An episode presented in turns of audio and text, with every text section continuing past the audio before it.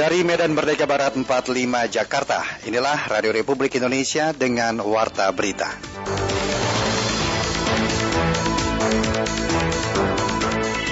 Terkait adanya isu dan postingan yang provokatif di akun Wadas Melawan yang menggambarkan seolah-olah situasi masyarakat di desa Wadas mencekam dengan tegas saya nyatakan adalah hoax dan saat ini akun tersebut sedang dalam penyelidikan oleh siber.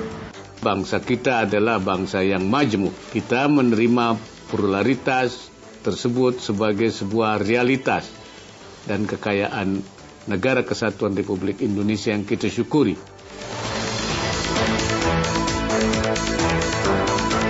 Sari berita pesan Wapres untuk anak muda jaga toleransi. Polisi akan menindak akun provokatif dan penyebar hoax terkait kondisi Desa Wadas. Inilah warta berita selengkapnya, Minggu 13 Februari 2022 bersama saya Rudi Zain dan saya Jo Soroi. Bergerak mengawali warta berita pagi ini kami hadirkan sekilas berita. Pimpinan Pusat Muhammadiyah mengumumkan 1 Ramadan 1443 Hijriah jatuh pada hari Sabtu 2 April 2022. Seperti dilansir dari kantor berita Antara, adapun 1 Syawal 1443 Hijriah akan jatuh pada hari Senin 2 Mei 2022. Polda Sumatera Utara telah melayangkan undangan kepada keluarga dekat Bupati Langkat nonaktif terbit rencana perangin-angin untuk dimintai keterangan. Namun mereka belum memenuhi panggilan pihak kepolisian. Presiden Amerika Serikat Joe Biden akan bersikap tegas apabila Rusia menginvasi Ukraina. Biden memperingatkan Presiden Rusia Vladimir Putin saat berbincang lewat telepon. Seperti dilansir dari AFP, Biden mengatakan invasi akan membuat rakyat Ukraina menderita. Informasi dari dunia olahraga, Chelsea juara Piala Dunia antar klub dengan menaklukkan Palmeiras 2-1 pada pertandingan yang berlangsung di Stadion Mohammed bin Zayed Abu Dhabi. Hal ini merupakan gelar pertama Chelsea pada Piala Dunia antar klub.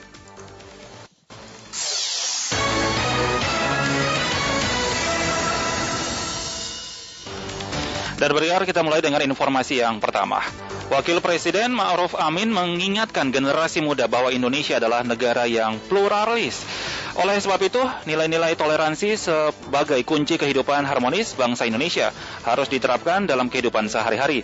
Hal itu disampaikan Wapres kepada mahasiswa Institut Agama Islam Bani Fatah, Jombang, yang disampaikan secara virtual. Bangsa kita adalah bangsa yang majemuk kita menerima pluralitas tersebut sebagai sebuah realitas dan kekayaan negara kesatuan Republik Indonesia yang kita syukuri. Sejak dulu toleransi menjadi kunci berseminya kehidupan di negara kita. Oleh karena itu, nilai ini harus terus saudara implementasikan dalam kehidupan saudara. Jangan tinggalkan nilai-nilai kebangsaan kita karena itulah jati diri kita sebagai bangsa Indonesia. Wapres juga meminta agar generasi muda ikut berkompetisi di tingkat global dengan tidak hanya menjadi penonton.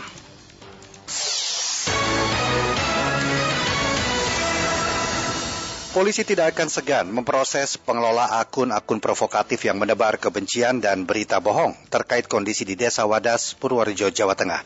Berikut dari Kota Semarang, Tika Budiman melaporkan. Polisi menemukan sejumlah akun provokatif terkait dengan perkembangan situasi di Desa Wadas hingga hasutan untuk menolak pembangunan proyek bendungan bener. Hal tersebut dikemukakan Kabit Humas Polda Jawa Tengah Kombes Polisi M. Iqbal Al-Kudusi. Dia mengaku prihatin dengan adanya akun-akun provokatif dan postingan hoax tentang situasi Desa Wadas. Menurutnya, polisi tidak segan memproses penyebar kebencian pengelola akun-akun provokatif tersebut melalui jalur hukum. Terkait adanya isu dan postingan yang provokatif di akun Wadas Melawan yang menggambarkan seolah-olah situasi masyarakat di desa Wadas mencekam dengan tegas saya nyatakan adalah hoax dan saat ini akun tersebut sedang dalam penyelidikan oleh siber. Pegiat medsos anggota Presidium Mavindo Masyarakat Anti Fitnah Indonesia, Niken Saraswati meminta masyarakat untuk tidak mudah terprovokasi yang membenarkan saat ini isu-isu liar beredar di media sosial. Setiap informasi yang datang, saat ini informasi tentang Wadas, datang bertubi-tubi, begitu banyak berseliweran di lini masa kita, baik di media sosial maupun grup WhatsApp. Kita harus menyaring informasi dan jangan mudah percaya begitu saja karena bisa jadi di antaranya adalah hoax atau provokasi yang sengaja dihembuskan oleh pihak-pihak tertentu yang tidak bertanggung jawab. Lebih lanjut, Niken meminta masyarakat dapat menyaring berita terlebih dahulu sebelum membagikan di media sosial. Masyarakat juga diharapkan tidak mudah percaya dan memperbanyak literasi agar dapat memilah kebenaran. Selain itu, ia juga meminta agar masyarakat mencari berita rujukan dari media yang kredibel.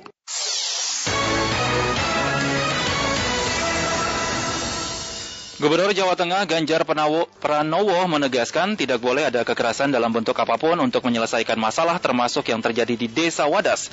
Kami hadirkan informasi ini bersama Luki Setiawan. Ketua Umum Pengurus Besar Nahdlatul Ulama PBNU, Yahya Kolil Stakuf atau Gus Yahya, meminta agar polemik yang terjadi di Desa Wadas Kecamatan Bener Purworejo tidak dipolitisasi, apalagi jika dicap bahwa pemerintah menindas rakyat. Hal itu disampaikan Ketua PBNU yang akrab disapa Gus Yahya dalam sambutan di Musyawarah Kerja Wilayah atau Muskerwil, pengurus wilayah Nahdlatul Ulama PBNU Jawa Tengah dan Harlah NU ke-99 secara virtual di Aula Masjid Agung Jawa Tengah.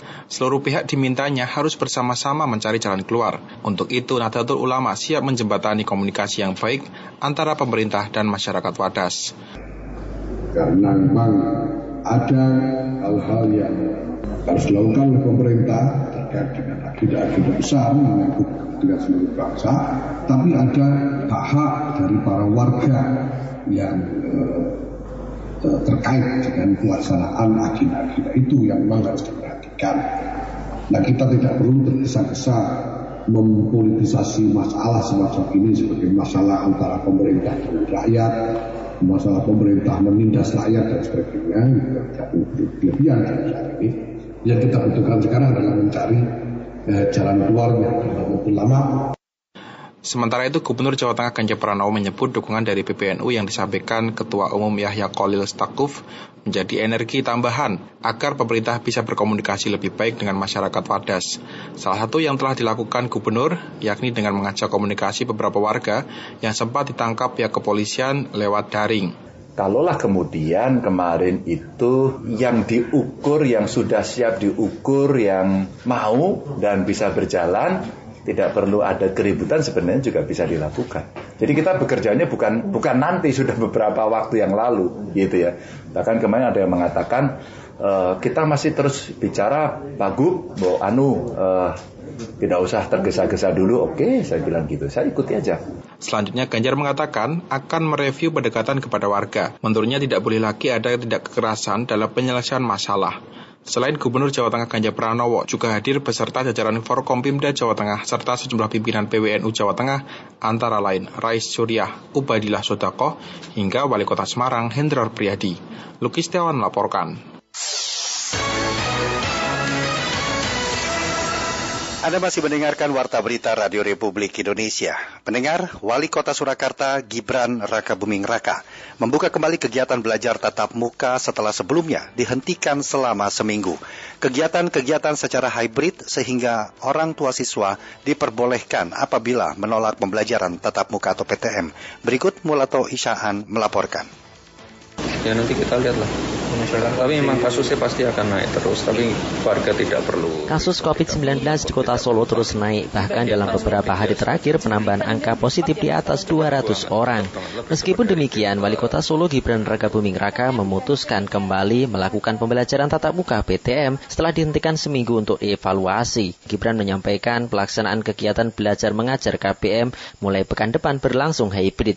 Orang tua murid dapat memilih untuk PTM atau PJJ pembelajaran jarak jauh dan apabila melakukan PJJ tetap dianggap masuk sekolah. Putra sulung Presiden Jokowi itu menyampaikan sebenarnya protokol kesehatan dalam PTM itu cukup baik. Hanya saja yang menjadi perhatian adalah di saat anak-anak itu pulang sekolah. Sebab temuan Satpol PP tak sedikit yang nongkrong di ruang publik. Oleh sebab itu, Gibran meminta orang tua agar melakukan pengawasan terhadap putra-putrinya dan juga memperhatikan prokes saat di lingkungan maupun di tenang rumah. Aja, tenang aja, tidak ada paksaan. PTM silahkan, PJJ silahkan.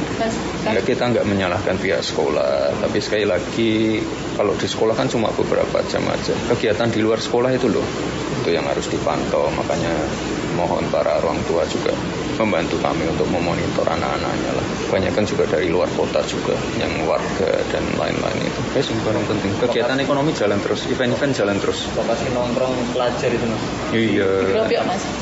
ya sebenarnya nggak pengen profil atau apa sih tapi ya kesadaran Sedangkan Ketua Pelaksana Harian Satgas Penanganan COVID-19 Surakarta Ahyani menyampaikan Pemkot akan kembali melakukan PTM dan PJJ setelah dilakukan evaluasi selama sepekan. Ahyani menyebutkan meskipun kasus positif COVID-19 naik terus, namun Solo masih memperlakukan PPKM level 2. PTM masih bisa diselenggarakan sesuai dengan SE Mendikbud Ristek terbaru. Selain itu, masyarakat masih bisa beraktivitas seperti biasa, hanya protokol kesehatan yang Kita semakin pedomannya level diperketat. 2. Level 2 ya. level 2 itu kan kegiatan-kegiatan di masyarakat masih diperbolehkan. Ya, kalau setelah hari kan naik terus ya kemungkinan tapi kan indikator untuk penentuan level kan sebenarnya dari pemerintah pusat.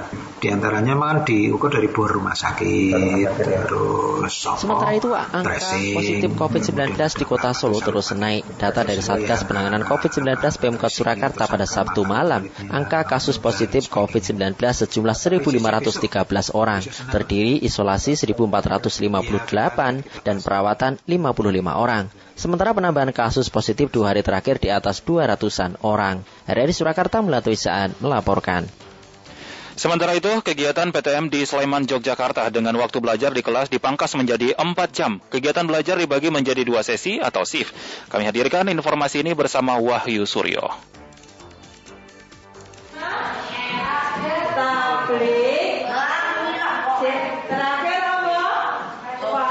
Pembelajaran tatap muka terbatas di Kabupaten Sleman mengalami perubahan mulai Senin pekan depan menyikapi lonjakan kasus COVID-19.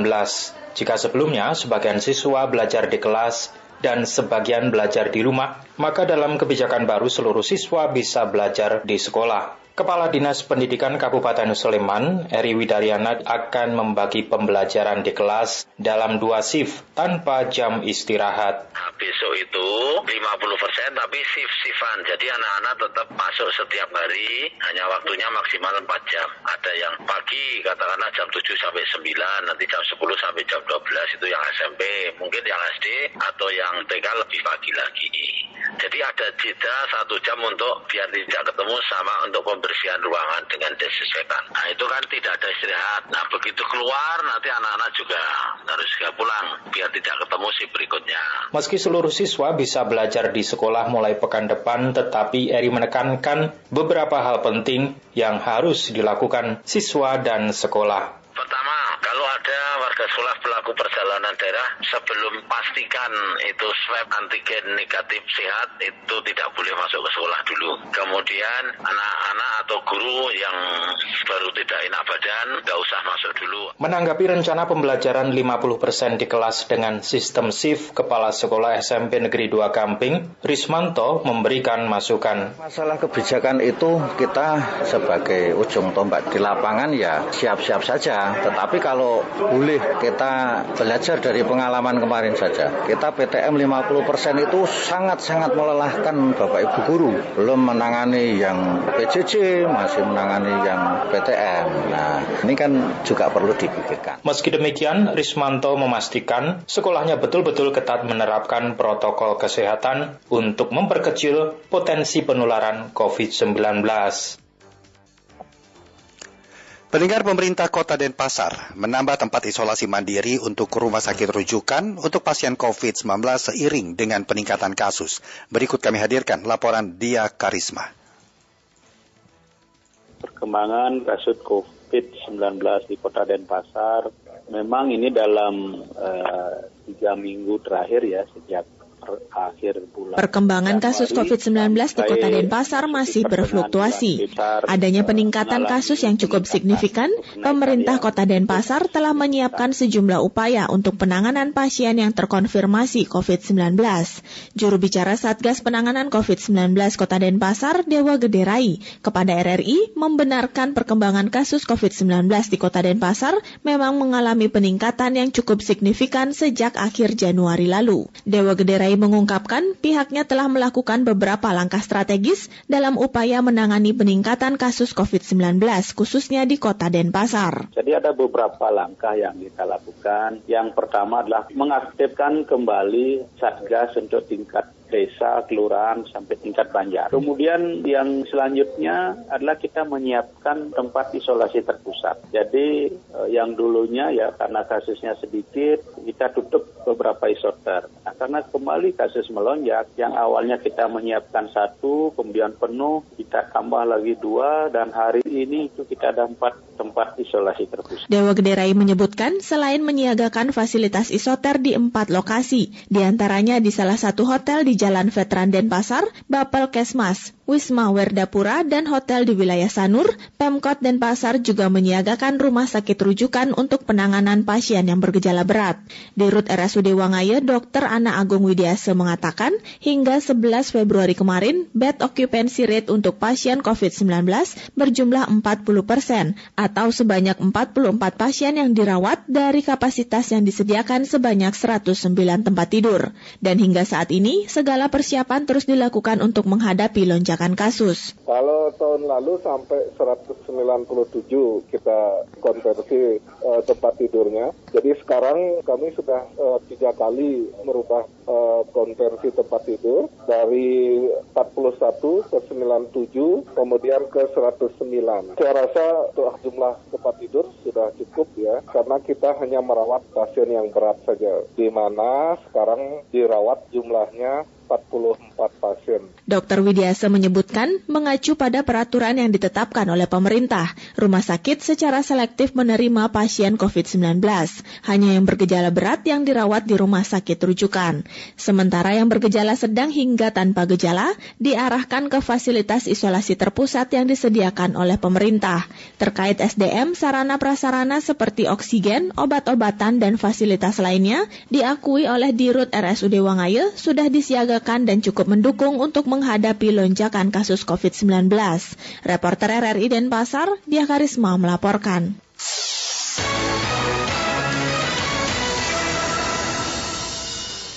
Warga di lereng Merapi, Merapi di Kecamatan Kemalang, Klaten meningkatkan kegiatan ronda malam untuk memantau kondisi Gunung Merapi. Berikut Adam Susanto Adam Sutanto melaporkan informasi selengkapnya ke ruang dengar Anda. Masyarakat sudah memahami bahwa di radius 3 km tidak boleh ada aktivitas dan masyarakat sudah memahami itu.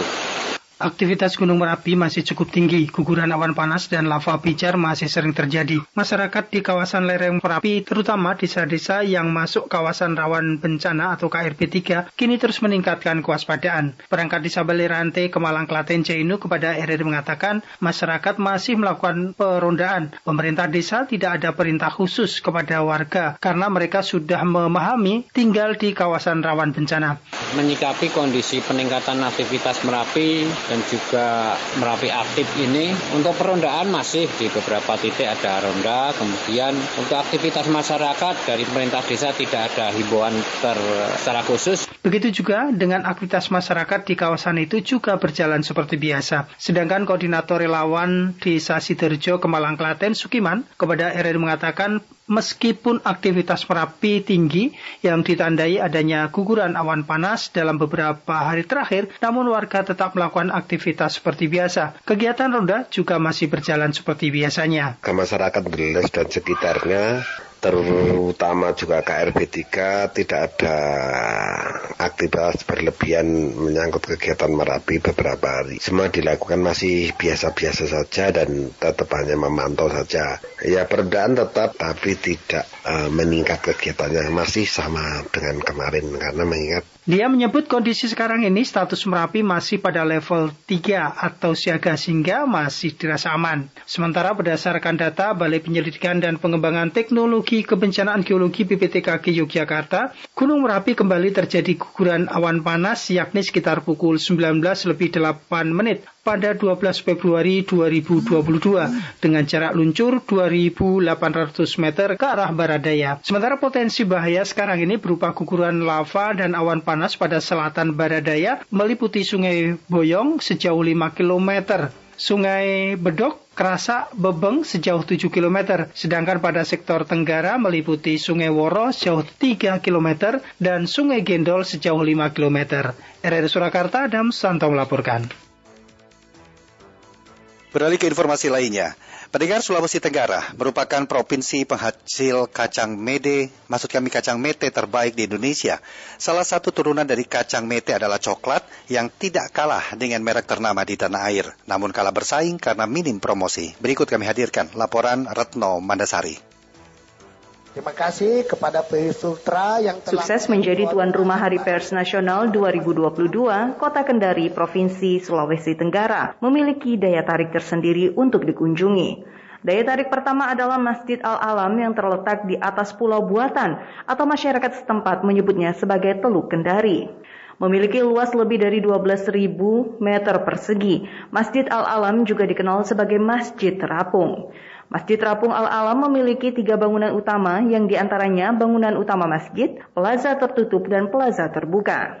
Pelataran masjid merupakan lokasi acara puncak Hari Pers Nasional 2022 yang dihadiri oleh ratusan undangan pada Rabu 9 Februari. Menariknya, masyarakat umum ramai berkunjung tidak hanya untuk beribadah, tapi juga untuk berwisata di kawasan masjid yang proses pembangunannya dimulai pada 2010 dan berakhir pada 2018 itu. Petugas keamanan masjid, Rian mengatakan, siapa saja diperbolehkan berkunjung ke dalam masjid asalkan menutup aurat. Masjid Al-Alam memiliki kapasitas tampung hingga 10.000 orang ini buka setiap hari dengan jam operasional hingga pukul 20 waktu Indonesia bagian tengah. Oh ini yang kan ada aturan di depan nih, hmm. wajib memakai celana panjang ada disediakan sarung sama kalau wanita wajib menutup aurat ada mukena disediakan bukan ada juga di dalam bukan ada aturannya juga. Sekarang ini kalau coklat malahan namanya ini bagi kebanyakan orang mungkin mengenal Sulawesi Tenggara sebagai provinsi penghasil kacang mete dengan kualitas terbaik. Namun provinsi ini juga juga memiliki potensi kakao dengan kualitas baik seperti yang merupakan komoditas Kabupaten Kolaka. Sejumlah produk kakao juga dipamerkan pada stand pameran Hari Pers Nasional berlokasi di halaman X Musabakoh Tilawatil Quran MTQ Kota Kendari. Kepala Bidang Pemberdayaan Usaha Mikro Dinas Koperasi dan UKM Kabupaten Kolaka, Suyati Suhaib mengatakan, untuk memaksimalkan produksi kakao bahkan di kabupaten itu terdapat kampung coklat Malaha. Hal menarik dari kampung coklat itu adalah sebagian besar produksi dikerjakan langsung oleh para remaja desa Malaha. Meski memiliki kualitas rasa yang tidak kalah dengan coklat komersial, namun Suyati tidak menampik coklat produksi Kampung Malaha perlu ditingkatkan kualitasnya untuk dapat bersaing lebih. Sementara di uh, seputar Sulawesi Tenggara, uh, belum itu karena memang uh, kalau ini kan masih agak belajar lagi untuk menggali supaya bisa menyaingi kayak coklat si perkuin atau apa gitu karena memang kalau agak apa panas mungkin dia agak meleleh. Saya berpatokan di Sulawesi Selatan atau Jawa. Di Sulawesi Tenggara terkenal dengan empat suku besar yakni Muna, Buton, Tolaki, dan Murnene. Seperti suku lainnya di Indonesia, suku-suku di provinsi ini juga memiliki warisan pusaka yang sebagian besar masih dilestarikan. Salah satunya yang dilakukan oleh komunitas pemerhati pusaka bumi Anoa atau Kopuska. Meski baru berdiri pada 2021, namun Kopuska telah memiliki hingga 200 pusaka yang berasal dari koleksi pribadi para anggota. Pendiri Kopuska, Muktir, menyebut Kopuska didirikan atas keprihatinan minimnya minat generasi muda untuk mengingat warisan leluhur. Sementara saat pameran Hari Pers Nasional, Kopuska memamerkan hingga 200 lebih pusaka yang terdiri dari berbagai jenis. Di antaranya tahu. Tahu, ini sebenarnya barang ini ada tiga macam.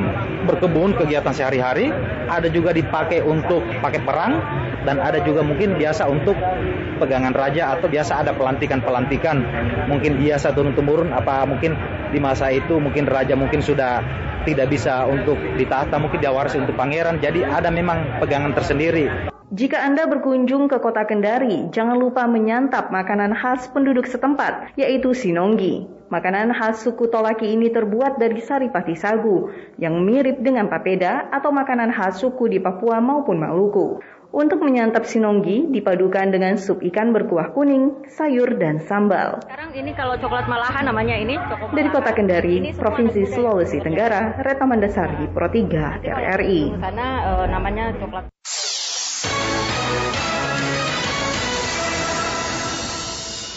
Kita ke berita mancanegara. Junta militer Myanmar mengumumkan akan membebaskan lebih dari 814 tawanan dalam program pengampunan atau amnesti yang kerap diberikan pada hari-hari nasional. Juru bicara junta Zhao Min Tun mengatakan bahwa tahanan yang diberi amnesti sebagian besar berasal dari penjara di Yangon.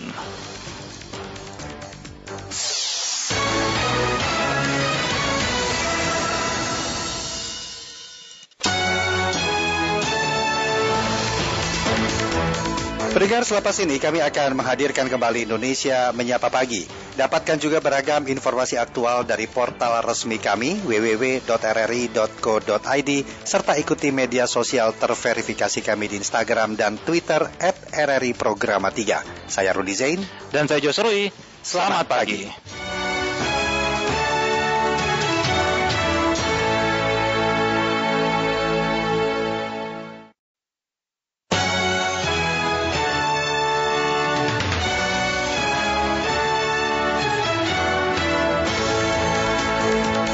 Dari Medan Merdeka Barat 45 Jakarta, inilah Radio Republik Indonesia dengan Warta Berita mengaktifkan kembali satgas untuk tingkat desa, kelurahan, sampai tingkat banjar. Kemudian yang selanjutnya adalah kita menyiapkan tempat isolasi terpusat. Jadi eh, yang dulunya ya karena kasusnya sedikit, kita tutup beberapa isoter. Nah, karena kembali kasus melonjak, yang awalnya kita menyiapkan satu, kemudian penuh, kita tambah lagi dua, dan hari ini itu kita ada empat tempat isolasi terpusat. Untuk di destinasi wisata, kita sudah banyak program-program maupun sertifikasi dari mulai sertifikasi guide atau sertifikasi keahlian, pelatihan untuk pemandu selam, untuk penguatan kapasitas SDM-nya. Mengaktifkan kembali Satgas untuk tingkat desa, kelurahan.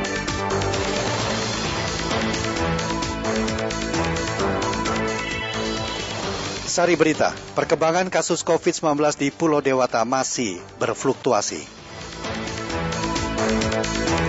Pemerintah Kabupaten Belitung Timur berupaya membangun SDM unggul di bidang pariwisata. Inilah warta berita selengkapnya Minggu 13 Februari 2022 bersama saya Rudi Zain.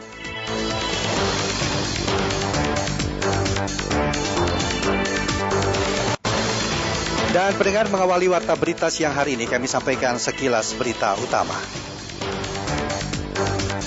Berdasarkan hasil hisap hakiki wujudul hilal yang dipedomani Majelis Tarjih dan Tajdid Muhammadiyah, pimpinan Pusat Muhammadiyah mengumumkan 1 Ramadan 1443 Hijriah berlangsung pada Sabtu 2 April 2022. Ekspor santan organik asal Pulau Bintan, Provinsi Kepulauan Riau yang dapat digunakan untuk berbagai kebutuhan rumah tangga hingga industri naik tiga kali lipat di awal tahun 2022. Pesawat tanpa awak atau drone tidak diperbolehkan terbang di kawasan sirkuit Mandalika tanpa seizin penyelenggara saat tes pramusim dan juga saat race MotoGP Mandalika berlangsung pada bulan Maret mendatang.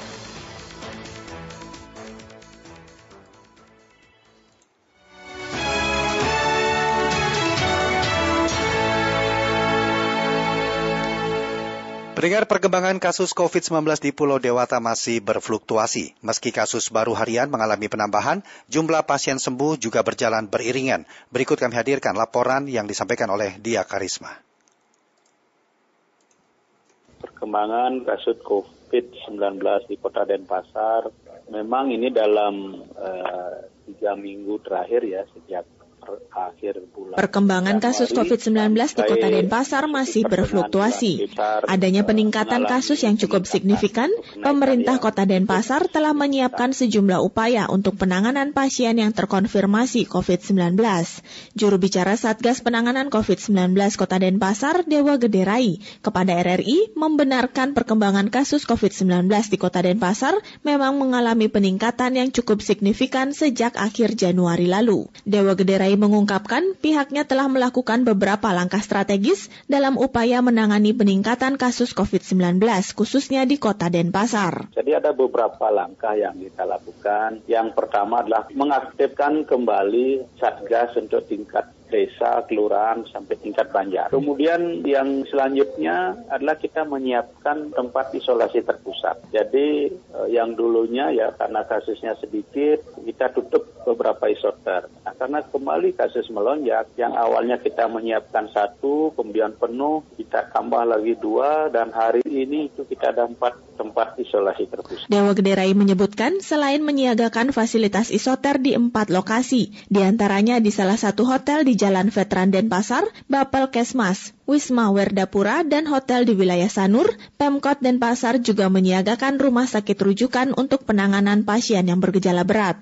Di Rut RSUD Wangaya, Dr. Ana Agung Widiase mengatakan, hingga 11 Februari kemarin, bed occupancy rate untuk pasien COVID-19 berjumlah 40 persen, atau sebanyak 44 pasien yang dirawat dari kapasitas yang disediakan sebanyak 109 tempat tidur. Dan hingga saat ini, segala persiapan terus dilakukan untuk menghadapi lonjakan kasus. Kalau tahun lalu sampai 197 kita konversi uh, tempat tidurnya. Jadi sekarang kami sudah uh, tiga kali merubah uh, konversi tempat tidur dari 41 ke 97 kemudian ke 109. Saya rasa untuk jumlah tempat tidur sudah cukup ya karena kita hanya merawat pasien yang berat saja di mana sekarang dirawat jumlahnya 44 pasien. Dr. Widiasa menyebutkan mengacu pada peraturan yang ditetapkan oleh pemerintah, rumah sakit secara selektif menerima pasien COVID-19.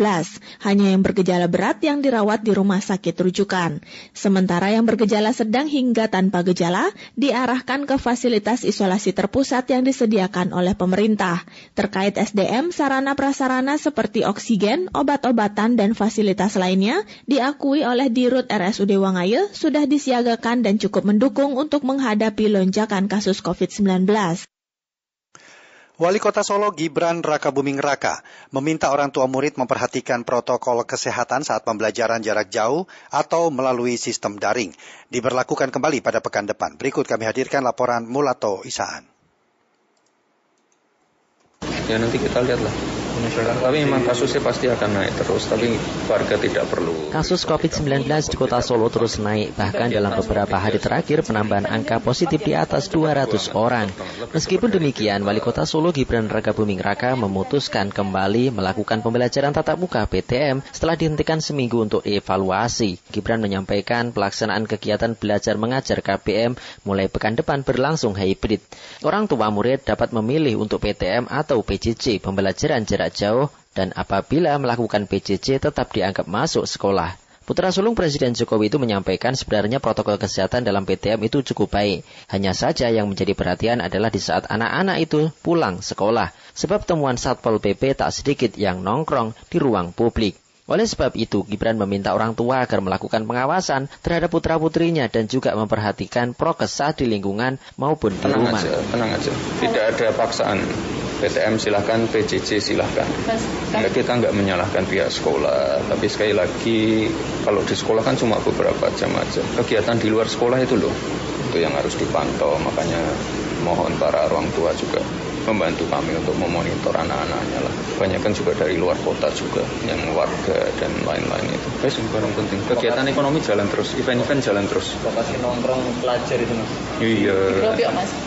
Ya sebenarnya nggak pengen profit atau apa sih tapi ya kesadaran Sedangkan Ketua Pelaksana Harian Satgas Penanganan COVID-19 Surakarta Ahyani menyampaikan Pemkot akan kembali melakukan PTM dan PJJ setelah dilakukan evaluasi selama sepekan. Ahyani menyebutkan meskipun kasus positif COVID-19 naik terus, namun Solo masih memperlakukan PPKM level 2. PTM masih bisa diselenggarakan sesuai dengan SE Mendikbud Ristek terbaru. Selain itu, masyarakat masih bisa beraktivitas seperti biasa, hanya protokol kesehatan yang Kita semakin diperketat. 2. Level 2 ya. Level 2 itu kan kegiatan-kegiatan di masyarakat masih diperbolehkan. Ya, kalau sehari kan naik terus ya kemungkinan, tapi kan indikator untuk penentuan level kan sebenarnya dari pemerintah pusat.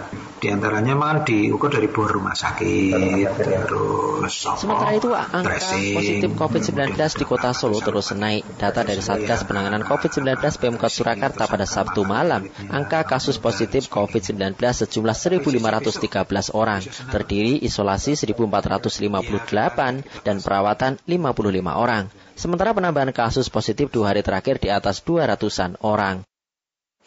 Di lokasi lain, Dinas Pendidikan Sleman mengubah kebijakan dalam penerapan pembelajaran tatap muka terbatas. Dan mulai pekan depan, seluruh pejabat dap seluruh, seluruh pelajar dapat kembali belajar di sekolah. Kita simak laporan dari reporter kami RRI Yogyakarta, Wahyu Suryo.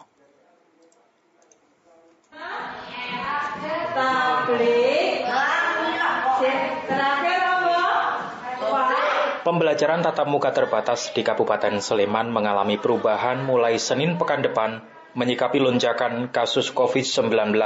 Jika sebelumnya sebagian siswa belajar di kelas dan sebagian belajar di rumah, maka dalam kebijakan baru seluruh siswa bisa belajar di sekolah. Kepala Dinas Pendidikan Kabupaten Sleman, Eri Widaryana akan membagi pembelajaran di kelas dalam dua shift tanpa jam istirahat.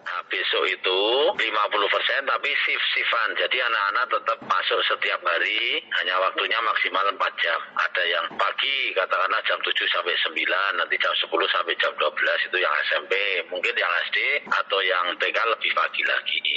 Jadi ada jeda satu jam untuk biar tidak ketemu sama untuk pembersihan ruangan dengan desinfektan. Nah itu kan tidak ada istirahat. Nah begitu keluar nanti anak-anak juga harus segera pulang biar tidak ketemu si berikutnya. Meski seluruh siswa bisa belajar di sekolah mulai pekan depan, tetapi Eri menekankan beberapa hal penting yang harus dilakukan siswa dan sekolah. Pertama, kalau ada warga sekolah pelaku perjalanan daerah sebelum pastikan itu swab antigen negatif sehat itu tidak boleh masuk ke sekolah dulu. Kemudian anak-anak atau guru yang baru tidak enak badan nggak usah masuk dulu. Menanggapi rencana pembelajaran 50% di kelas dengan sistem shift, Kepala Sekolah SMP Negeri 2 Gamping, Rismanto memberikan masukan. Masalah kebijakan itu kita sebagai ujung tombak di lapangan ya siap-siap saja. Tetapi kalau boleh kita belajar dari pengalaman kemarin saja. Kita PTM 50% itu sangat-sangat melelahkan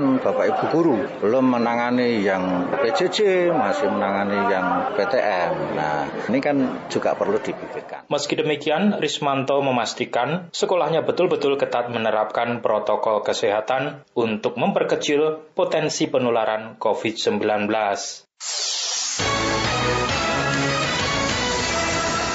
Terima kasih Anda masih mendengarkan Warta Berita Produksi Radio Republik Indonesia. Pemerintah Kabupaten Belitung Timur berupaya membangun SDM unggul di bidang pariwisata dengan cara memberi pelatihan dan sertifikasi bagi para pemandu wisata. Kita simak bersama laporan Wanda Sona Alham.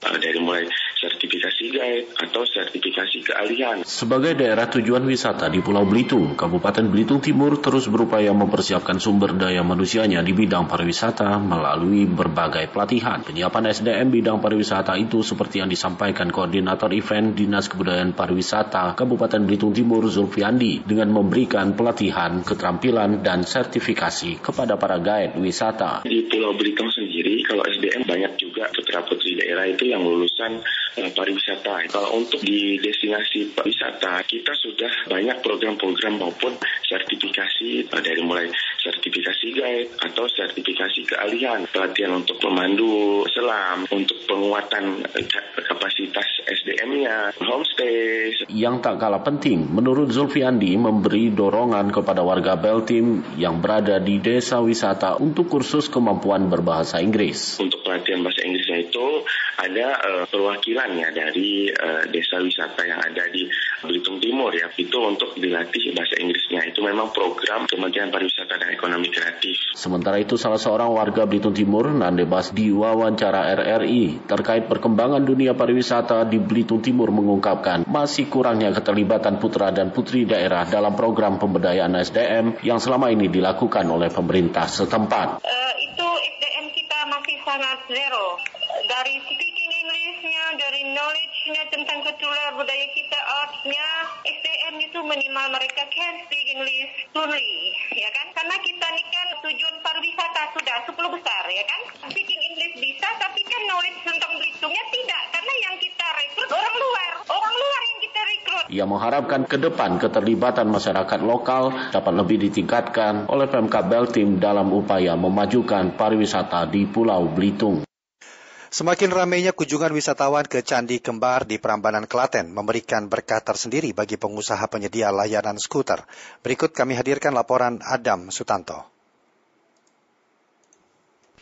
Nah kita lihat potensi potensi di Candi Pelawasan ini kan memang belum ada skuter ini. Saya mencoba seperti itu ya akhirnya ketemu ini. Skuter yang selama ini dikenal berada di perkotaan, kini sudah dapat ditemui di tempat objek wisata di Kabupaten Klaten, seperti hanya di objek wisata Candi Kembar, Pelausan Prambanan Klaten. Keberadaan skuter tersebut di tempat wisata itu baru sekitar satu minggu ini. Namun peminatnya cukup mengembirakan, terutama para pengunjung Candi Pelausan. Pengelola skuter Candi Pelausan Bagas kepada RR mengatakan dipilihnya lokasi kawasan Candi Kembar untuk usaha layanan wisata skuter karena memang cukup potensi objek wisata wisata itu? Harap harap cemas memang cemas Pak. Kita uh, pelaku usaha kita juga cemas karena memang uh, sekitar kita masih banyak seruing-seruing mungkin omikron, omikron atau apa seperti itu kita juga cemas juga itu makanya di sini kita uh, selalu protokol kesehatan ada hand sanitizer kita selalu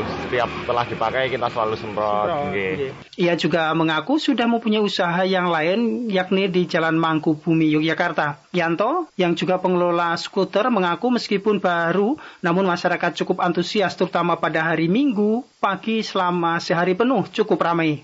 Oh, Siang minggu, sampai minggu pagi sampai sore, sore. ramai itu. Dikatakan untuk menikmati sarana wisata tersebut cukup murah. Para pengunjung hanya mengeluarkan biaya Rp15.000. Sudah dapat mengendarai otopet keliling wisata Candi Pelausan sekitar kurang lebih 15 menit. Keberadaan skuter tersebut diharapkan akan dapat memberikan nilai positif terhadap kunjungan wisata di kawasan itu dan memberikan dampak ekonomi kepada masyarakat di sekitar candi. Masih terkait pariwisata, guna mendukung upaya pemerintah mengantisipasi COVID-19, pengelola tempat wisata air Sungai Hitam Sebangau, Palangkaraya menerapkan protokol kesehatan yang sangat ketat bagi para pengunjung. Laporan disampaikan Gordon Tobing berikut ini.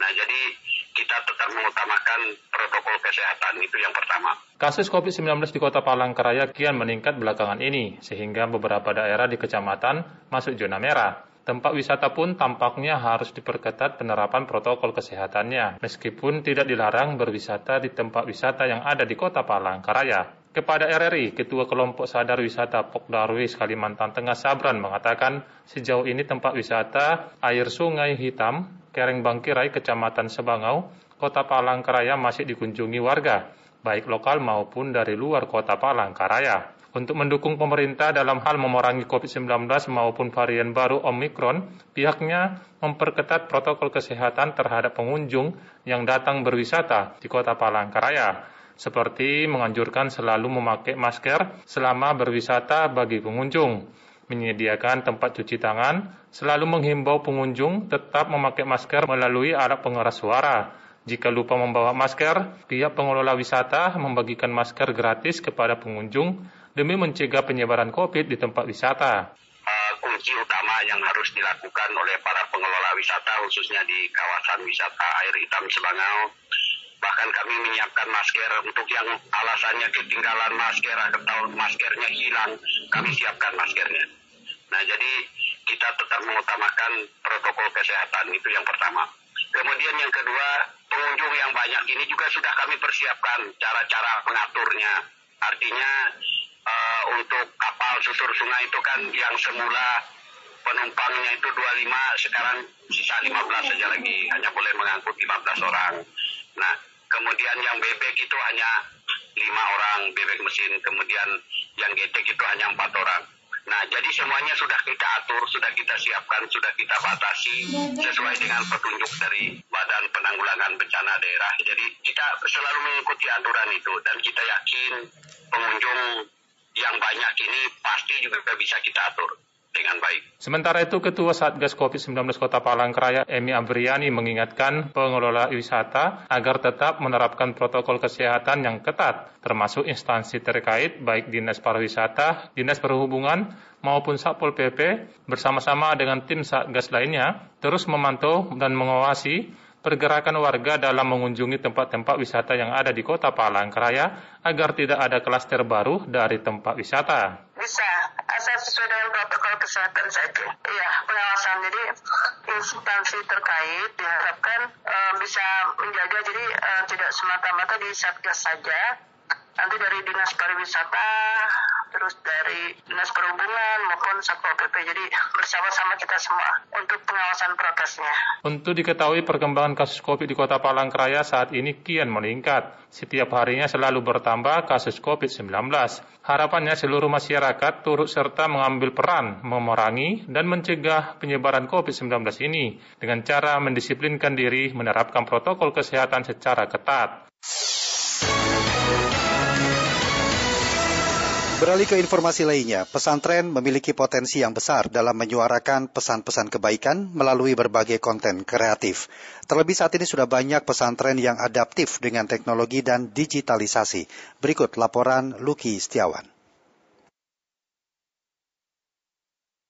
Dosen strategi media online Universitas Semarang USM, Edi Nurwahyu Yulianto, menyampaikan perkembangan zaman yang semakin maju ini diharapkan dapat dimanfaatkan para santri untuk mengisi ruang-ruang dakwah, kemaslahatan, hingga pengetahuan melalui berbagai kreativitas untuk ikut menyebarkan pesan kebaikan. Edi berpesan yang terpenting dalam membuat pesan dari para santri ini dapat menyesuaikan target yang dituju, kemudian platform medianya yang dipakai sebelum akhirnya memikirkan kreativitas.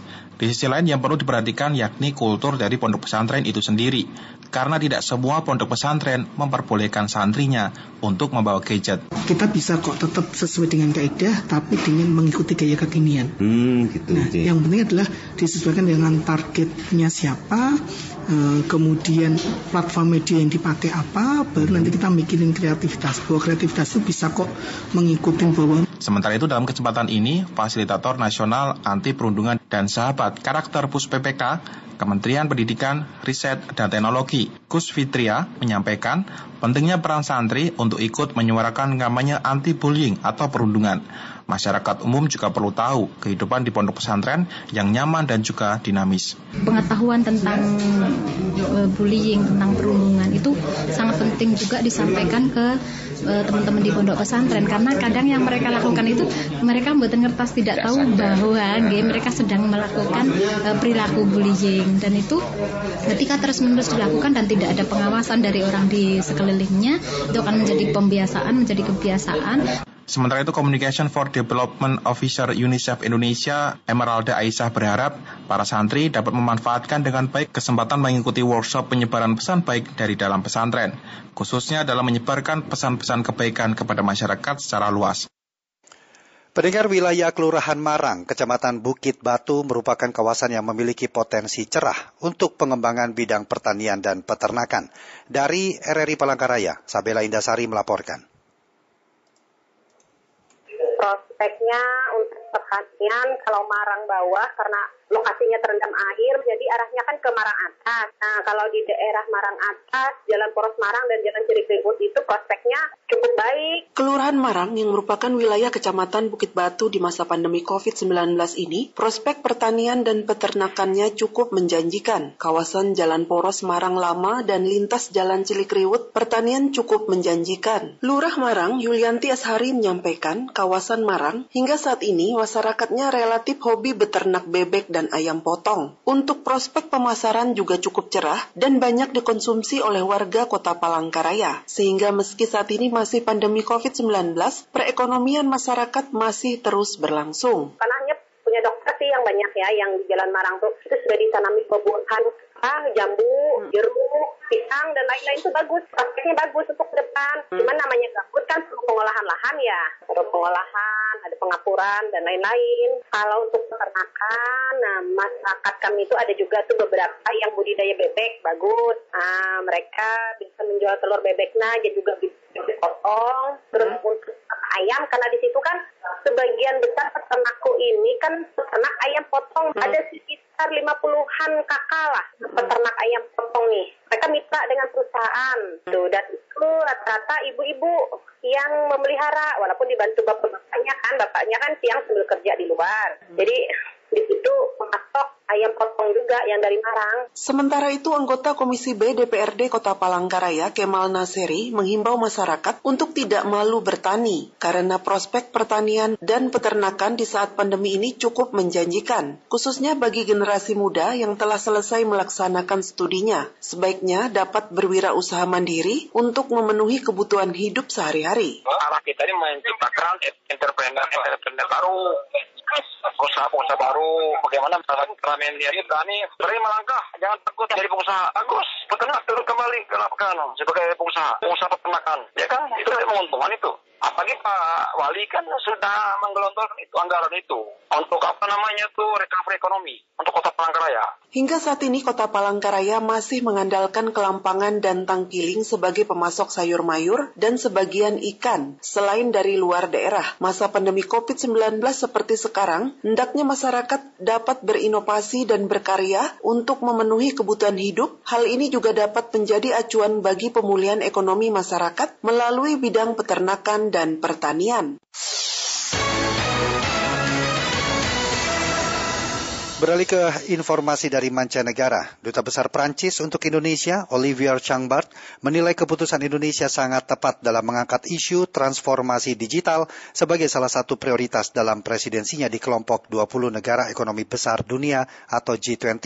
Menurut Changbart, Transformasi digital sangat mendasar karena merupakan cara untuk melanjutkan kegiatan ekonomi, sosial, dan pendidikan, khususnya di tengah keterbatasan pergerakan manusia seperti saat pandemi. Meski begitu, ia juga mengatakan bahwa transformasi digital juga memiliki tantangan yang cukup besar, sehingga diperlukan nilai-nilai dan peraturan yang jelas untuk ranah digital. Untuk itulah lanjutnya, negara-negara anggota G20 memiliki tanggung jawab yang besar dalam memastikan keamanan pemanfaatan digitalisasi.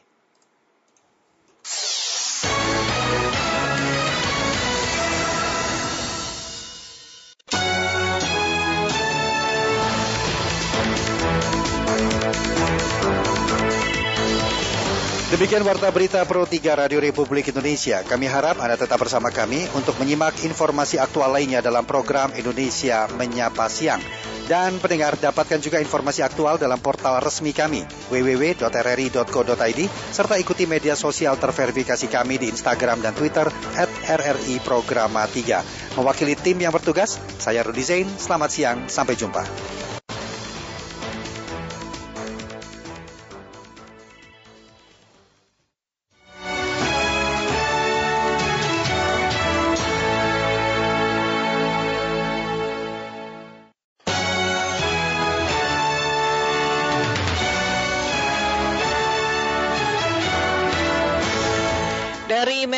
Merdeka Barat 45 Jakarta, inilah Radio Republik Indonesia dengan Warta Berita.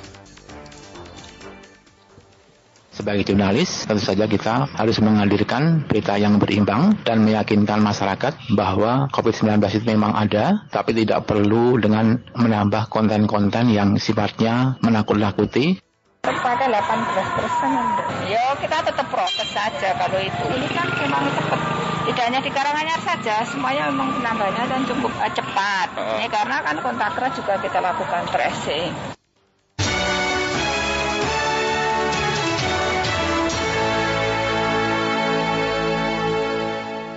Sari Berita.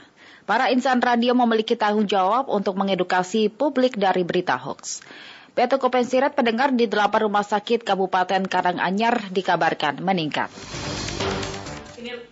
Inilah warta berita selengkapnya Minggu 13 Februari 2022 bersama rekan saya Amir Arif dan saya Andela Kusuma.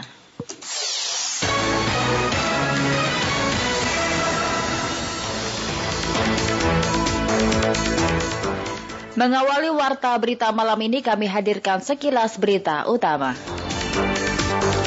Satuan Tugas Penanganan COVID-19 menekankan pentingnya vaksinasi COVID-19 bagi anak-anak karena anak-anak merupakan salah satu kelompok rentan terjangkit COVID-19. PT Pertamina Patraniaga hari ini melakukan penyesuaian harga tiga produk bahan bakar minyak BBM non subsidi yakni Pertamax Turbo, Pertamina Dex dan juga Dex Lite.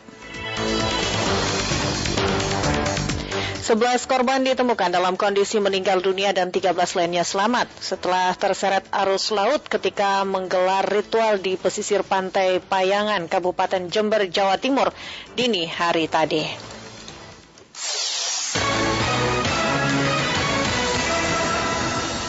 Pendengar krisis kepercayaan mendera masyarakat di tengah pandemi COVID-19 akibat maraknya sebaran berita bohong di media sosial. Dalam peringatan Hari Radio Sedunia, para insan radio memiliki tanggung jawab untuk mengedukasi dan mencerahkan publik melalui ragam informasi yang disajikan. Wahyu Suryo melaporkan untuk Anda. Untuk kamu yang mungkin hari ini pengen ke pantai begitu harus berhati-hati.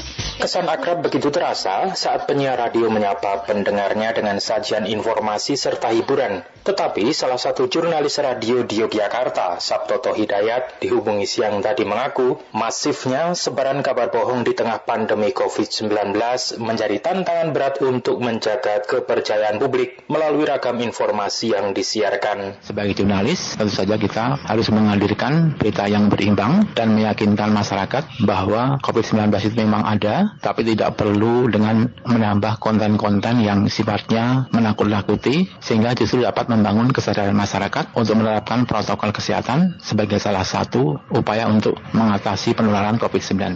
Sedangkan pemerhati media Puji Rianto berpendapat lembaga penyiaran publik di Indonesia punya peran strategis untuk menangkal sebaran kabar bohong. Tetapi ia melihat tantangannya terlalu berat. Lembaga penyiaran publik misalnya diberi mandat yang sangat berat, mendidik, menghibur, tapi mencerahkan. Tapi dikepung oleh industri swasta yang jumlahnya melebihi kemampuan ekonominya. Kalau mau ya harus ada restrukturisasi bijakan macam-macam itu, tapi itu kan susah. Sementara itu radio dan kepercayaan menjadi tema yang diangkat dalam peringatan Hari Radio Sedunia 13 Februari ini. Tema itu dilatar belakangi krisis kepercayaan publik di tengah pandemi COVID-19 akibat maraknya sebaran kabar bohong terutama di media sosial.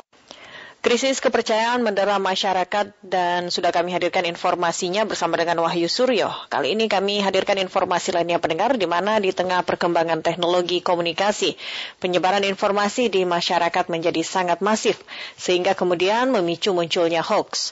Radio saat ini masih dianggap sebagai salah satu media yang memiliki tingkat penyebaran hoax paling rendah karena proses penyampaian informasinya melalui proses yang berlapis. Selengkapnya dilaporkan Made Gerianta. Selengkapnya radio ya radio. Ini karena konteks radio ya radio ini salah satu lembaga penyiaran itu kan ini kita kan waktu di literasi kita selalu merefer ke berita-berita radio. Kan tidak mungkin hoax lah berita radio. Masa RRI menyiarkan hoax? Enggak ya kok tidak mungkin. Tren penyebaran berita palsu hoax terutama melalui dunia maya sudah tidak bisa dipungkiri bahkan sudah sangat sering terjadi. Peran media radio seperti Radio Republik Indonesia RRI diharapkan selalu bisa atau mampu melakukan klarifikasi sehingga kebohongan tidak akan berlanjut bahkan membuat masyarakat menjadi resah. Di sinilah peranan RRI sebagai radio publik yang mampu menyiarkan berita aktual kepada masyarakat. Kepala Bidang Persandian Dinas Komunikasi Informatika dan Statistik Provinsi Bali, Putus Sundike kepada RRI di Denpasar mengatakan, di tengah masifnya berita hoax yang tersebar di jejaring sosial media, dirinya menjamin media RRI menghadirkan informasi berdasarkan fakta. Menurutnya, media radio yang dimiliki oleh pemerintah tersebut tersebut bisa lebih masif meneruskan informasi mengingat jangkauannya sangat luas. Uh, sudah bertransformasi dan pasti RRI sudah bertransformasi. Kita juga sering kok literasi di RRI. Nah, harapannya RRI membantu lah, membantu apa penguatannya, mengamplifikasi ya, apa hal-hal yang mungkin tidak uh, apa namanya tidak pas gitu dan atau ada hal-hal yang disampaikan oleh pemerintah gitu yang valid itu bisa disampaikan cara lebih masif lah kalau memang. Sundike menambahkan di tengah merebaknya berita hoax yang tersebar di media sosial, dirinya mengakui hal itu susah untuk dihentikan. Ia menjelaskan untuk mengantisipasi hal itu, kesadaran masyarakat juga diperlukan dan menjadikan media radio, televisi dan media cetak sebagai rujukan atau pembuktian kebenaran dari berita tersebut. Sundike berharap lembaga penyiaran publik ini tetap mampu menjaga independensi dalam penyiaran dengan tetap mengedepankan etika dan moralitas serta tidak terpengaruh oleh berita-berita bohong yang tidak bisa dipertanggungjawabkan kebenarannya. Ia juga berharap masyarakat lebih berhati-hati dalam menyebarluaskan berita, terlebih melalui sosial media seperti Instagram dan Facebook yang dianggap kerap menjadi media penyebar berita palsu.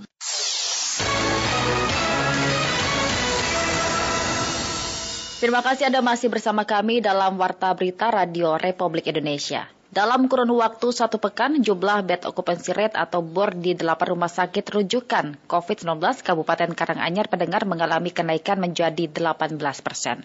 Arga Dirgantala melaporkan untuk Anda. 205 baru terpakai 18 persen. Dinas Kesehatan Kabupaten Karanganyar mencatat terjadi kenaikan bed occupancy rate atau bor di rumah sakit rujukan di Kabupaten Karanganyar hingga mencapai 18 persen dalam kurun waktu satu pekan. Berdasarkan data dinas, di awal pekan ini bor isolasi di rumah sakit rujukan wilayah Kabupaten Karanganyar hanya sebesar 2 persen atau 5 orang yang menjalani rawat inap. Kemudian meningkat di akhir pekan menjadi 18 persen. Dikonfirmasi RRI, Kepala Dinas Kesehatan Kabupaten Karanganyar Purwati menyampaikan saat ini Dinas Kesehatan Karanganyar telah menyiapkan 205 tempat tidur atau TT khusus pasien COVID-19 di seluruh rumah sakit rujukan di Karanganyar. Menurut Purwati, meski kenaikan kasus positif COVID cukup signifikan, namun kebanyakan bergejala ringan dan menjalani isolasi mandiri. Maka Dinas masih mempertimbangkan adanya penambahan tempat tidur khusus pasien COVID-19. Penambahan akan dilakukan bila jumlah pasien dirawat di rumah sakit semakin tinggi. Baru terpakai 18 persen. Ya kita tetap prokes saja kalau itu. Ini kan memang cepat tidak hanya di Karanganyar saja, semuanya memang penambahannya dan cukup uh, cepat. Uh. Ini karena kan kontak erat juga kita lakukan tracing. Sementara itu, Bupati Karanganyar Ruliat Mono menuturkan bila terjadi lonjakan, Pemkap siap mengaktifkan kembali rumah isolasi terpusat seperti gedung BLK Karangpandan maupun lokasi isoter di Kecamatan Kerjo. Menurutnya, seluruh sarana prasarana sudah siap. Hanya tinggal melihat situasi dan kondisi bila terjadi lonjakan, tinggal bergerak mengaktifkan lokasi isoter. Kita kan sudah punya sarana prasarana, tinggal bergerak sepekerja masih kita aktifkan, BLA kita aktifkan. Adapun berdasarkan data Dinas Kesehatan Karanganyar tercatat ada 658 kasus aktif positif COVID-19 per tanggal 12 Februari 2022. Dari jumlah itu 85 menjalani rawat inap dan 573 menjalani isolasi mandiri. Jumlah kasus positif COVID-19 tersebut terus mengalami peningkatan dibanding dengan hari-hari sebelumnya. Peraturan daerah tentang penanggulangan COVID-19 di Yogyakarta akan disahkan Senin besok. Satgas Penanganan COVID-19 Daerah Istimewa Yogyakarta berharap sanksi yang diatur dalam perda tersebut tidak perlu diterapkan kepada masyarakat. Selengkapnya dilaporkan Dian Parwanto jalannya tidak lebih parah daripada delta. Tapi sekali lagi, kalau mengenai orang yang tidak kuat secara imunitasnya, kekebalannya, ya akan terjadi keparahan. Berbagai langkah antisipasi dampak pandemi COVID-19 gelombang ketiga terus dipersiapkan. Penegakan protokol kesehatan selama masa PPKM level 3 di kota Yogyakarta lebih mengedepankan tindakan persuasif. Ketua Harian Satgas Penanganan COVID-19 kota Yogyakarta, Heru Purwati mengatakan, pengetatan dalam aturan PPKM level 3 akan diterapkan di kota Yogyakarta dengan menerjunkan tim gabungan Satgas di masing-masing wilayah melibatkan tim dari pemerintah kota, kepolisian maupun anggota TNI. Kita lakukan patroli dan monitoring di wilayah yang dilakukan gugus tugas gugus tugas gabungan antara tim dari pemerintah kota, TNI dan Polri yang ada di wilayah akan melakukan upaya penegakan protokol kesehatan meskipun dilakukan masih secara persuasif. Kemudian yang kedua, sudah kita minta dan sudah dijalankan untuk untuk mengaktifkan posko-posko yang PPKM Mikro. Yang pertama fungsinya adalah untuk memonitor agar satu meminimalisir kegiatan-kegiatan sosial maupun ekonomi yang wilayahnya masing-masing, membatasi kegiatan-kegiatan pengumpulan-pengumpulan orang di wilayah masing-masing, dan kemudian juga kita melakukan pembatasan-pembatasan jumlah yang terkait dengan kegiatan-kegiatan yang diizinkan, termasuk pernikahan, termasuk event, dan segala macam itu ada yang kita izinkan tetapi dengan jumlah pembatasan. Di sisi lain, Koordinator Bidang Penegakan Hukum Satgas COVID-19 DIY Novia Rahmat menyampaikan penerapan sanksi pelanggaran prokes di DIY akan diterapkan menyusul adanya raperda yang disahkan pada hari Senin depan. Dalam rancangan perdanya juga dibunyikan bahwa ada dua jenis sanksi administratif dan sanksi pidana terkait dengan pelanggaran perorangan yang dalam kepatuhan di dalam pemakaian masker, misalnya kepatuhan dalam mencuci tangan, lain yang sifatnya perorangan itu dikenakan sanksi administratif berupa teguran lisan tertulis, kemudian pembinaan, serta adanya kerja sosial. Pernah kita lakukan belum sebelumnya. Tetapi terkait dengan pelaku usaha, penyelenggara kegiatan, atau perkantoran, dan lain-lain itu terkait pelanggarannya, maka itu yang kita kenakan adalah sanksi pidana dengan ancaman hukuman 6 bulan atau denda 50 juta. Nah, itu nanti akan kita laksanakan dengan mekanisme ketika kita temukan, kita panggil dulu yang bersangkutan, sebelumnya kita berikan dulu peringatan dalam bentuk surat pernyataan akan mematuhi dalam jangka waktu 1 kali 24 jam. Kita cek lagi, kalau tidak mematuhi lagi maka baru kita bawa ke ranah hukum. Meski terdapat sanksi sosial hingga pidana, namun Noviar mengharapkan melalui sosialisasi dan tindakan persuasif, pelaku usaha dan masyarakat lebih ketat dalam disiplin menerapkan protokol kesehatan seiring lonjakan kasus paparan COVID-19 yang cukup signifikan terjadi di DIY saat ini.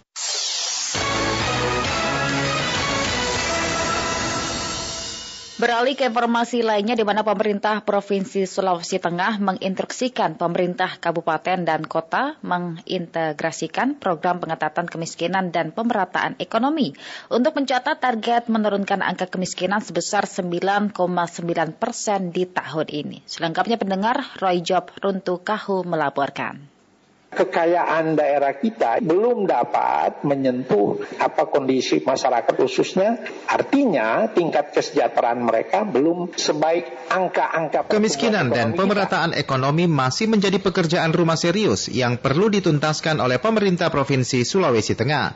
Hal ini mengingat meskipun pertumbuhan ekonomi daerah ini dalam 10 tahun terakhir berada di atas rata-rata nasional, namun belum memberikan pengaruh signifikan terhadap kesejahteraan masyarakat.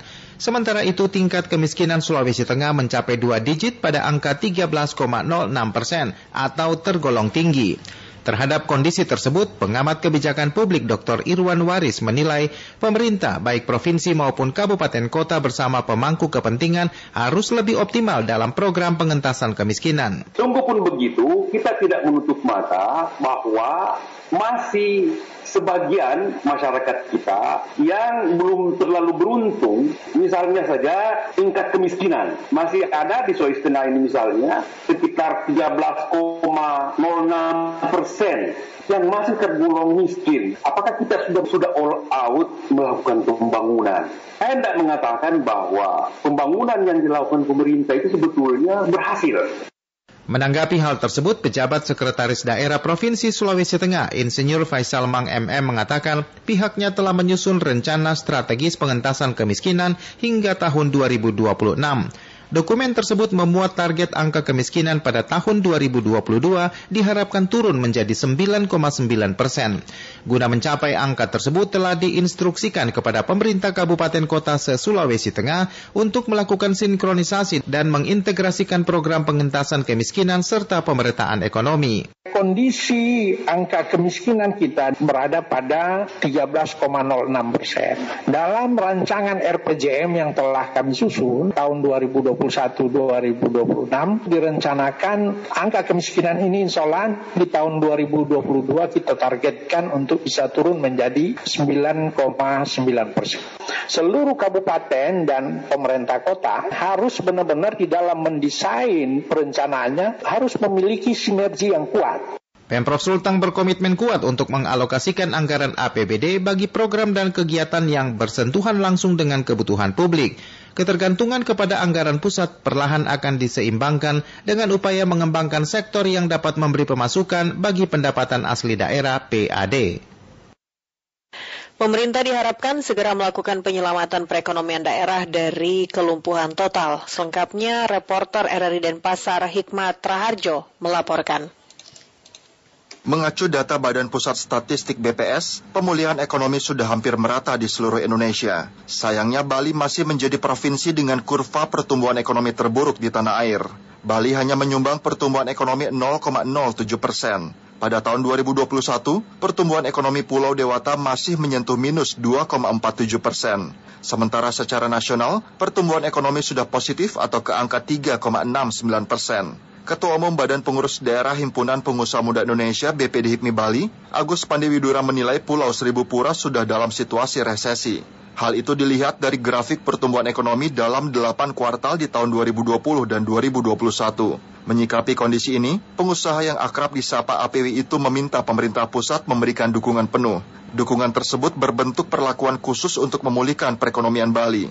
Langkah pemerintah pusat yang selalu membatasi aktivitas Bali dikhawatirkan berdampak buruk terhadap perekonomian. Bahkan saat kebijakan itu dilakukan dalam jangka waktu panjang, APW memastikan ekonomi Bali akan lumpuh total. Karena memang sekarang saya melihat ini tidak adil kita ini hidup dari pariwisata. Namun begitu banyak aturan-aturan yang seolah-olah e, diperketat terkait daripada pariwisata ini. Padahal APW berharap pemerintah pusat melalui Kementerian Keuangan mengeluarkan stimulus khusus bagi Bali. Stimulus itu mencakup sejumlah aturan, di antaranya soal restrukturisasi. Ini yang harus segera harus ada terobosan gitu dan saya masih belum melihat itu dari pemerintah pusat untuk melakukan terobosan itu. Stimulus yang dimaksud seperti revisi peraturan Menteri Keuangan atau PMK nomor 32 tahun 2021 dan PMK nomor 71 tahun 2020. PMK 32 2021 mengatur tentang tata cara penjaminan pemerintah untuk pelaku usaha korporasi melalui badan usaha penjaminan yang ditunjuk dalam rangka pelaksanaan program pemulihan ekonomi nasional. Sedangkan PMK 71 2020 mengamanatkan tentang tata cara penjaminan pemerintah melalui badan usaha penjaminan yang ditunjuk dalam rangka pelaksanaan program pemulihan ekonomi nasional. Pemerintah Kabupaten Kendal menggerakkan tempat-tempat wisata untuk melaksanakan bazar UMKM yang diikuti setidaknya 30 UMKM dengan berbagai produk. Laporan Faiz Rozi untuk Anda.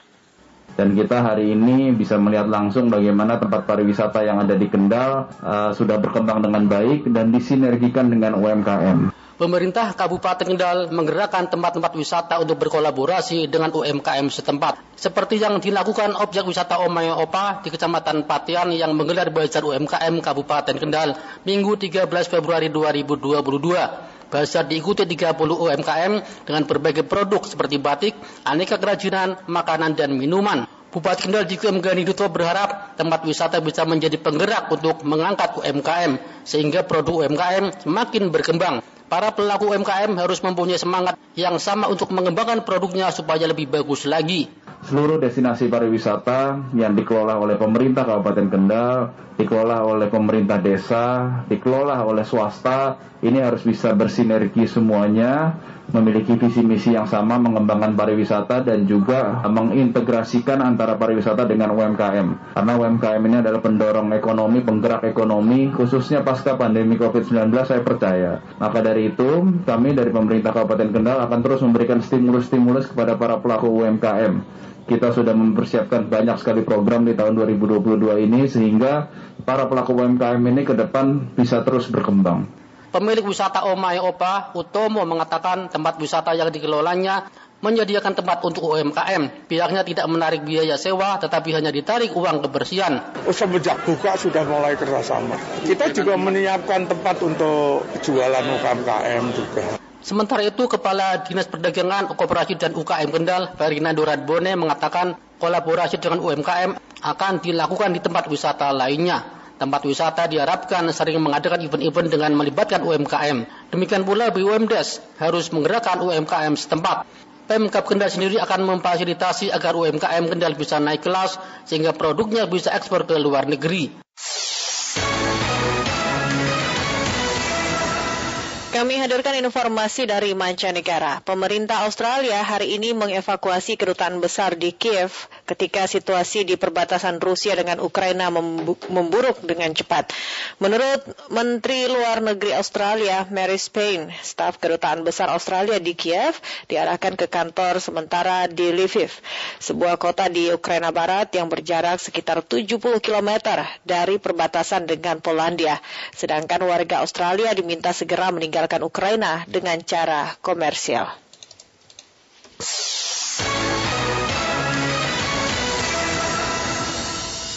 Selanjutnya informasi dari dunia olahraga pendengar seluruh pebalap tim peserta hari ini telah menyelesaikan sesi tes pramusim MotoGP 2022 yang dilangsungkan di sirkuit internasional Mandalika Lombok, Nusa Tenggara Barat. Untuk mengetahui bagaimana informasi terkini di sana kami akan terhubung dengan rekan kami ada Maya Oktarifa. Maya, seperti apakah situasi terkini malam hari ini? Iya, baik pendengar Pro 3 RRU di mana pun berada, Memang saat ini tadinya sekitar pukul 18.00 waktu Indonesia Tengah setidaknya tes pramusim untuk seri terakhir uh, bah sudah selesai dilakukan, sudah selesai dituntas dikerjakan di sirkuit Mandalika dan dengan berakhirnya tadi sekitar pukul 8.00 waktu Indonesia Tengah maka berakhir pula tes pramusim MotoGP 2022 ini baru nanti kemudian para pembalap akan kembali lagi ke sirkuit Mandalika nantinya pada Maret 2022 mendatang. Dan benar memang cukup seru pada pelaksanaan tes pramusim kali ini karena memang meskipun bukan balapan namun para pembalap memang diakui sangat menikmati uh, proses precision kemudian juga test drive yang ada di area sirkuit Mandalika. Nah, pendengar memang untuk kali ini uh, pada tes pramusim ini memang uh, pembalap Paul Espargaro mencatatkan rekor terbaik di ajang pramusim MotoGP di Pertamina Mandalika uh, kali ini. Di mana pada sesi terakhir di hari ketiga ini memang pembalap asal tim Repsol Honda ini tiga kali mencatatkan rekor sebagai rider tercepat. yakni pada sesi terakhir memang hanya mampu menghabiskan waktu satu menit uh, 31,60 detik untuk menghabiskan satu putaran pada area sirkuit Mandalika. Selain itu juga untuk uh, Paul Espargaro di sini hanya memiliki selisih beberapa detik dengan Fabio Quartararo juara bertahan pada MotoGP 2021 lalu yang hanya mencatatkan waktu satu menit uh, 31,74 detik. Sementara itu pendengar untuk uh, besutan legenda Valentina Rossi yang sempat mencatatkan rekor tercepat di hari kedua kemarin yakni Luca Marini uh, pada sesi terakhir tadi berada pada posisi ketiga dengan raihan waktu 1 menit 31,665 detik. Sementara itu Alex Espargaro dengan raihan waktu 1 menit 31,385 detik berada pada posisi keempat. Sementara itu pendengar untuk posisi kelima memang dikuasai oleh uh, Francisco dengan raihan waktu 1 menit 31,416 detik. Sementara itu pendengar untuk uh, andalan memang yang memiliki banyak penggerak di Indonesia ini Mark Marquez sendiri pada posisi ke uh, 14 yakni dengan raihan waktu 31, mohon maaf maksud kami dengan raihan waktu 1 menit uh, 31 detik, 793. Dan benar Rena Mimi selama pelaksanaan pramusim ini banyak sekali rangkuman-rangkuman uh, kejadian begitu ya selama pelaksanaan tes pramusim mulai dari uh, banyaknya pembalap yang sempat terjatuh di area sirkuit Mandalika ketika melakukan uh, test drive ataupun pre-session pada hari pertama. Kemudian juga uh, bahkan di sini ada yang menarik ya ini salah satu pembalap ya ini John Mir uh, mengalami gangguan pencernaan sehingga tidak bisa melanjutkan uh, tes pramusim ataupun uh, pre-session tadi pada hari terakhir pada uh, pelaksanaan ataupun sesi pertama tadi sekitar pukul uh, 08.00 waktu Indonesia Tengah. Nah, benar memang uh, di sini untuk informasi memang juga ada lima pembalap yang memang pada hari pertama sempat terjatuh bahkan ada juga yang hampir terjatuh di area sirkuit Mandalika. Ini ada pertama adalah Francisco Bagnai, kemudian juga Marco, kemudian juga ada Fabio Guantararo, kemudian juga Jador Martin dan Taaki Nakagami. Memang ini beberapa pembalap ini sempat terjatuh pada hari pertama karena memang mengaku baru mengenal sirkuit Mandalika sehingga kaget dengan kondisi area sirkuit Mandalika yang memiliki cukup tikungan menantang. Setelah itu juga di sini para pembalap lainnya juga mengaku terkesan dengan uh, kondisi kemudian juga keadaan track Mandalika bahkan mengaku kagum ingin kembali segera datang ke Mandalika untuk melakukan uh, balapan nanti pada Maret 2022 mendatang. Padahal ada juga yang menarik bahkan di sini untuk Fabio Quartararo yakni juara bertahan MotoGP musim 2021 juga menganggap uh, lintasan sirkuit Mandalika sama persis dengan lintasan motocross.